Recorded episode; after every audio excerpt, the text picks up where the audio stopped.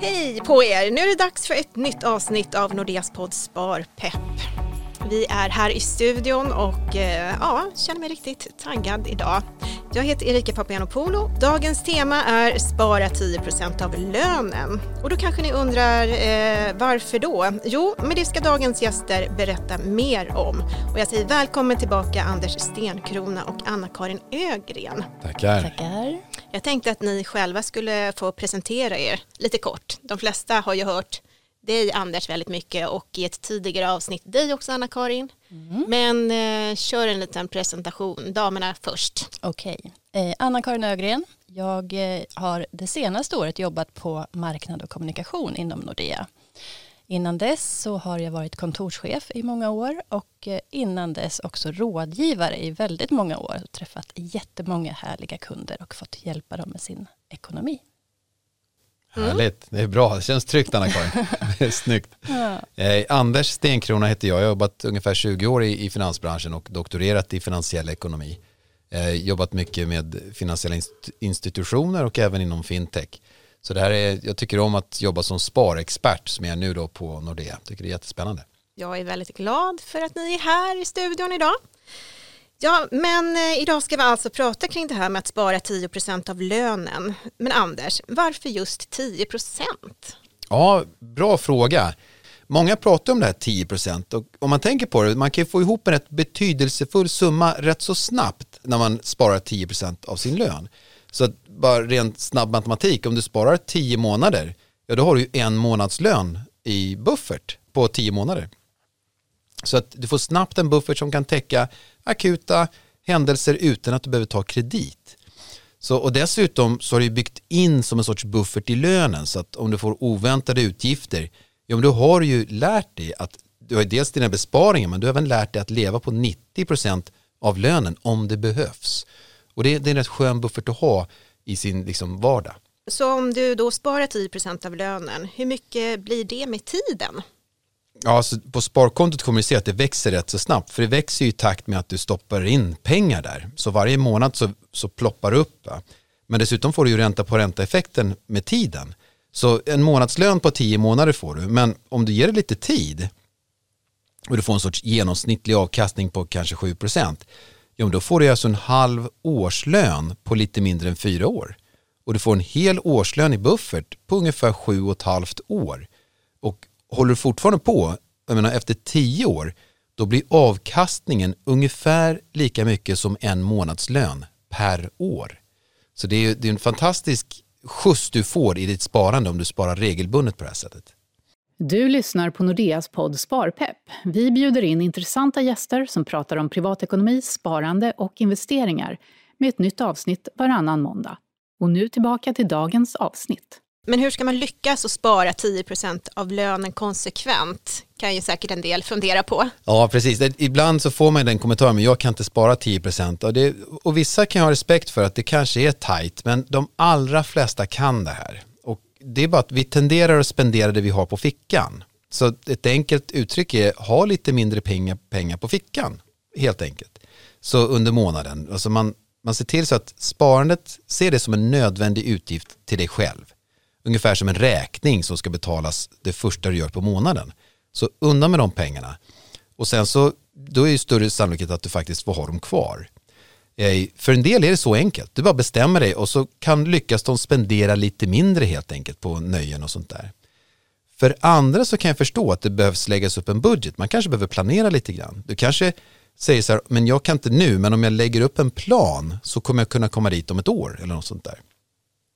Så det kan ta en stund att justera sina fasta kostnader. Du kanske behöver göra någon energibesparande investering till exempel på ditt boende. Jag vet att i vårt boende kostar jättemycket tills vi la in bergvärme. Och det gjorde att plötsligt så har vi en mycket lägre regelbunden avgift för att värma upp huset och det kan jag då spara. Eh, men har du bil så kanske du kan hitta en bil som är billigare i drift. Det var också en grej vi gjorde.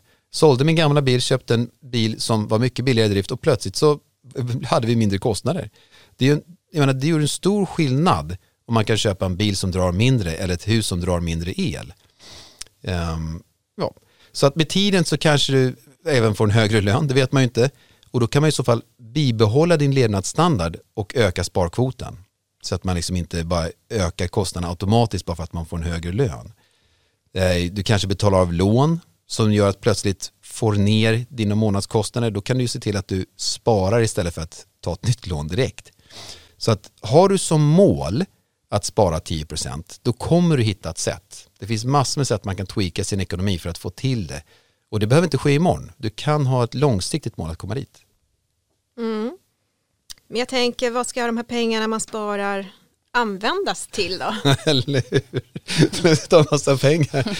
Och det är ett ganska trevligt problem. Jag brukar säga det ibland, att vet du, har du någonsin haft ett pengaproblem? Så, ja, vadå? Du vet den där, när man tittar på kontot i slutet av månaden och säger, vad i hela världen ska jag göra med alla de här pengarna?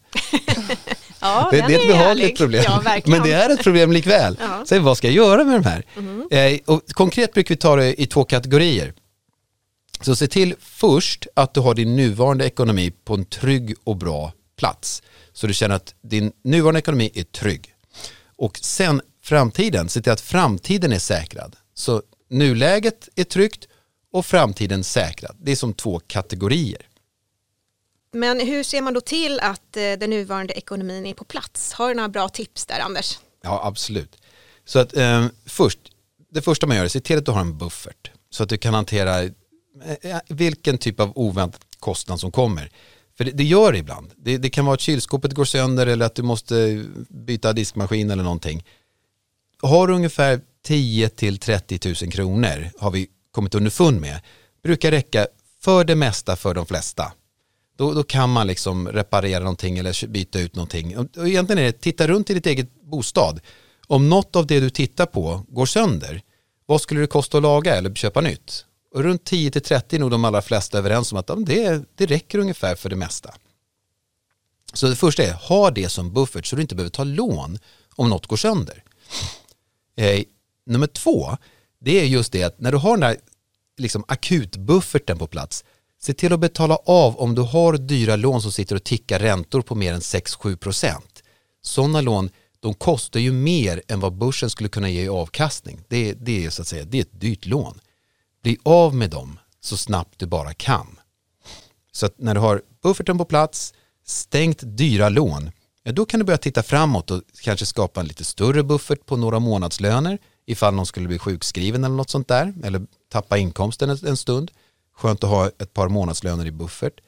Och när det är klart, då har du liksom, ja, då är du okej okay i nuläget. Du har en buffert och inga konsumtionslån. Då känner du dig trygg. Det är, det är liksom det kortsiktiga nuläget. När man tänker på framtiden då, hur säkrar man den? Ja, där är det först och främst pensionssparandet jag tänker på, att se över den. Och eh, så att så fort du känner att nuläget är på plats, spana in då, kan du spara mer till din pension? Och det, det är alltid trevligt att ha lite till där. Så se, kolla efter om du kan antingen pensionsspara privat, går det att jacka upp eh, tjänstepensionen något, kan du löneväxla till exempel om du har en hög inkomst. Så att titta på om ditt pensionssparande kan ge dig en pension som du tycker är bra. Och för många kanske det räcker med allmän pension och tjänstepension, men för andra kanske behöver ta liksom en större insats för att kunna nå sitt pensionsmål. Prata med en rådgivare som kan ge dig en överblick. Att sitta och göra räkningarna själv, eller beräkningarna själv, det kan du ju göra om du kan finansiell matematik, men om du inte riktigt är hemma på det, så det är jättebra att sätta sig ner med en rådgivare och säga att hur ser min pensionsprognos ut?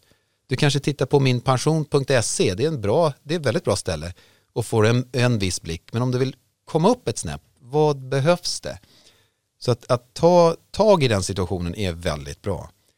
Och känner du sen att ja, men jag har ju en pension som jag tycker känns bekväm, den, den kommer jag nå, då investera i dina drömmar. Det kanske handlar om en drömsemester, en bil eller en bostad eller vad det än är så kommer du snart märka att det är inom räckhåll. För när du sparar regelbundet så ser du att plötsligt är du där. Och det, det är rätt kul. Mm. Jag hade ett kul sparmål, jag, jag tycker det mesta har mitt på plats. Jag har en så här kul grej, köra Ferrari i Italienmålet. Och jag är typ där. Det? Ja, det är jättekul. Jag bara, wow, titta här är massa pengar. Härligt. Vad ska jag göra med alla de här pengarna? När ska du göra det då? I ja, det är en bra fråga. Eller så åker, det, åker vi på semester med familjen, plötsligt blev det inte det. Men du vet, det är så där det är, plötsligt ja. går det till någonting annat. Men det var ett roligt mål att spara till. Exakt, men det är viktigt med drömmar. Men du Anna-Karin, finns det några mer tips kring hur man kan tänka med sitt sparande? Ja, men det tycker jag. Och och eh, jag tänker väl kanske lite mer på, på vardagsekonomin, på de, här liksom, de löpande in och utflödena från lönekontot. Eh, och då tänker jag lite på när jag var yngre, man flyttade hemifrån och man fick sitt första jobb och ja, men då hade man ju inte så himla bra mm, koll på, på sin ekonomi och räkningarna kom och man betalade dem. Och ibland så kunde det komma en räkning som var ganska hög som man inte riktigt hade koll på. Det kunde vara flera tusen och det kunde ju liksom sabba en hel månad nästan. Mm. jag vet exakt. Ja, ja. Så att där tycker jag, och när man träffar många kunder också, att försöka hjälpa dem att tänka och få upp en bra plan kring det kortsiktiga sparandet eller liksom bara göra en plan för lön in och vad är det som ska ut och liksom så. Mm. Eh, så jag tycker att man kan liksom dela upp och man kan strukturera sina pengar så att vardagsekonomin flyter på utan toppar och dalar. Mm. Har du några konkreta tips som du skulle kunna dela med dig av? Ja, men lite grann. Och sen, självklart så är det beroende på hur ens ekonomi ser ut och vilket inflöde och utflöde som man har på sitt lönekonto. Men jag tycker själv att det är ganska nice och det är ganska trevligt att, att man har ett relativt jämnt utflöde. Eh, lönen är väl troligtvis ungefär ganska lika varje månad. Man kanske har lön, man kanske har barnbidrag eller någonting annat som kommer in. Men, men att få utgifterna och det som går ut på ungefär samma nivå. Och då tänker jag lite så här, precis som Anders nämnde, det här med buffertkonto är ju superviktigt och vi pratade 10 till 30 000 så det tycker jag är liksom det är nummer ett att se till att det finns där. Men sen finns det andra saker som man kan liksom strukturera upp det på. Och då tänker jag så här, man kan öppna ett separat konto för sina försäkringar. Alla har ju troligtvis då försäkringar som man betalar för. Och ibland så kommer försäkringarna eh, varje månad, eh, ibland två gånger om året och ibland en gång om året. Och det är inte alltid lätt att hålla koll på när kommer den där himlaräkningen. Ja men precis, det kan bli ganska stora summor också om det kommer ja. en gång om året. Ja men verkligen. Mm. Och ibland så kan det ju vara så att de kommer samtidigt, att du får både en villa hemförsäkring eller en, en eh, ja, bara en hemförsäkring tillsammans med personförsäkringar. Så det kan vara många tusenlappar som kommer och så har man inte riktigt koll på vilken månad var det här skulle komma. Så det man kan göra är att man räknar ut vad kostar mina försäkringar totalt på ett år och sen eh, dela det på 12 och så sätta in det på ett separat konto varje månad då, en mindre summa. Så att när de här räkningarna kommer då tar man pengarna från försäkringskontot som man kan döpa det till eh, för att betala sina eh, räkningar. Sen får man tänka på självklart att precis när man är i nystarten, när man kommer igång så kanske man först behöver få en liten summa på det här kontot för du kan ju inte sätta in det en månad och sen betala både villa hem och person. Så att det är klart att första gången måste man liksom eh, ha lite överskott. Men jag gillar det här för det är en långsiktig planering utöver ja. sin ekonomi. Ja. Och det, det, vi är så lätt att tänka kortsiktigt att ja, man gör det här nu, men vi ska ju leva långt liv. Mm. Det här försäkringen kommer nästa år, nästa, nästa år, nästa, nästa år igen. Ja. Så det, det, är bara att rigga upp. Ja, och lite ordning och reda. Det gillar jag också. Ja, och då behöver mm. man inte känna när den här räkningen på 6 500 kommer att oj, oj, oj, hur ska det här bli mm. nu då? Ja, för då sitter de pengarna på det kontot och så tar man dem därifrån och betalar. Så det är ett tips, eh, försäkringskonto. Eh, och det är lite likadant, många kanske har kostnader för tomträtt eller samfällighetsavgift, kommer oftast var tredje månad. Ja, men då gör man likadant. Du räknar ut vad kostar det var tredje månad, delar det på tre, sätter in det på ett separat konto. Och sen när samfällighetsavgiften kommer så har du de pengarna sitter där. Supersmidigt. Eh, sen har vi till exempel ett semesterkonto. Yes, ja, den är det är bra. det roligaste kontot. det är det bästa kontot. Ja. Eh, att liksom sätta undan så pass mycket så att man känner att det känns lagom. Eh, och då kan det ju vara så att när man ska betala resan eller när man ska åka iväg då känns det nästan som att man reser gratis för då har man liksom satt undan så pass mycket så att det, det, det hjälper till otroligt mycket. Och, och, det blir man ju lite triggad av också, att liksom få undan så mycket pengar som möjligt när det är någonting roligt. Så det är mitt favoritkonto. Sen kan det vara renoveringskonto. Eh, man kanske planerar att man ska byta kök eller man ska bygga en ny altan eller nytt badrum eller vad det kan vara. Så in med lite pengar på det kontot varje månad. Eh, så kanske man inte behöver då som Anders sa ta ett lån för att betala badrummet eller altanen. Eller heller inte då direkt från sitt lönekonto utan då har man det på ett renoveringskonto. Många har säkert barn, ett eller flera. Eh, många har fritidsintressen som kan vara ganska kostsamma. Det kan vara bra att sätta undan en liten peng för det varje månad så att man ska betala en medlemsavgift eller en årsavgift eller vad det kan vara. De där kommer ju typiskt sett oregelbundet. Plötsligt så Ja. ska alla ha liksom alla aktivitetsutgifterna Ja, kommer här vid terminstart. Exakt, Precis. och någon dyr utrustning, Ja. hockeyutrustning eller någon annan. Ja. mm. Och sen självklart kan det ju vara så att man sparar långsiktigt till sina barn också. Men det, det tar vi inte här utan nu är det kortsiktiga. Det långsiktiga sparandet då tycker jag då tar man hjälp av en rådgivare för att liksom få det som är bäst för just dig och dina barn. Eller man kanske eh, tittar in på våran sparrobot Nora som Mm. kan hjälpa till också. Precis. Eh, sen kanske det är någon som har ett lyxkonto när man vill unna sig någonting extra. Eh, och det kan ju vara att man vill köpa den där jättedyra väskan eller klockan eller nytt golfset eller vad det än må vara. Så lite sådär lyx att de här pengarna sätter jag undan för att jag ska kunna lyxa till det ordentligt någon gång ibland. Så det är några av de tipsen som, som jag tycker att man kan liksom ha separata konton för. För att liksom få en mer jämn fördelning av sina utflöden. Så det där är en väldigt, väldigt bra idé för det är större sannolikhet att man sparar om man delar upp det också. Det känns mer konkret vad de här pengarna ska till. Ja men verkligen. Och just det här att det blir ett jämnt flöde på lönekontot. Att eh, man inte får den här chocken att åh nu kom det räkningar på 9000 kronor den här månaden och nu, nu blev det inte så mycket över. Mm. Utan ett jämnt flöde. Jag tror att många skulle känna sig trygga och, och må bra av det. Ja men verkligen och det är ordning och reda också som vi sa tidigare. Man har lite koll på läget. Superbra tips. Men själv så, så har jag flera olika syften med mitt sparande precis som, som du nämner och du också Anders. Eh, det är ju ett smart sätt att få lite mer ordning och en överblick. Eh, och man kan ju faktiskt döpa sina konton i nätbanken. Mm. Till exempel till lyxkonto, buffert, resor och så vidare. Och det här gäller i både sparkonton och transaktionskonton. Och då gör man faktiskt så att man klickar på kontot i översikten och klickar på visa översikten. Och under eget namn så kan man gå in och byta namn på kontot. Men det ursprungliga produktnamnet och kontonumret är alltid kvar så det är ju smart. Men där kan man alltså ja, strukturera upp det lite grann för att få en ännu tydligare överblick.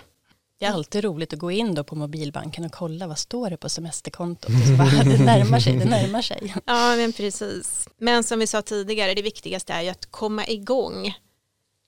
Absolut, och det pratade vi om i ett tidigare poddavsnitt. Att eh, har man inte kommit igång så gör det. Varje hundralapp kan göra skillnad.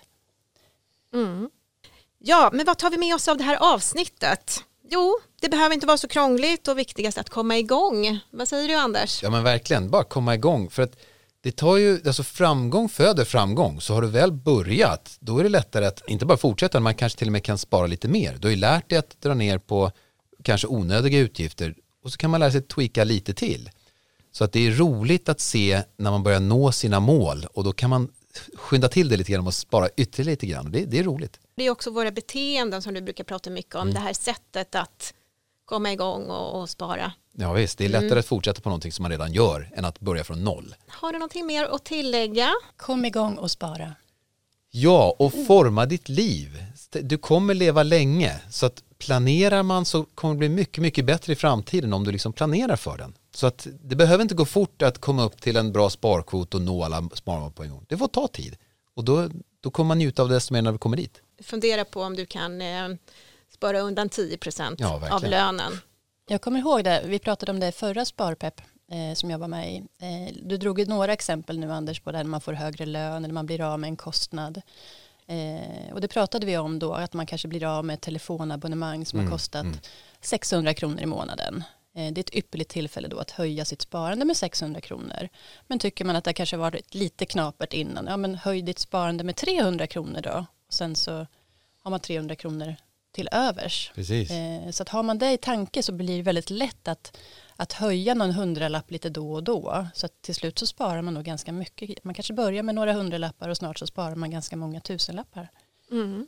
Och det gör ju skillnad. Och då är det ju extra kul att se de här härliga kontona öka. Exakt. Mer spartips hittar ni på nordea.se och i våra sociala medier. Och jag tänkte även passa på att tipsa om en digital kundträff som är den 25 november med Nordeas privatekonom Ingela Gabrielsson. Och hon pratar då om hur du tar ut din pension på bästa sätt. Mer info och anmälan finns på nordea.se kundträffar. Då säger jag tack för att ni lyssnade. Hör gärna av er med förslag på intressanta gäster eller teman och då kan ni mejla till sparpepp nordea.se. säga tack till dagens gäster, Anders Stenkrona och Anna-Karin Ögren. Tackar. Du har lyssnat på Nordeas podd Sparpepp. Podden för dig som vill lära dig mer om privatekonomi, sparande och investeringar.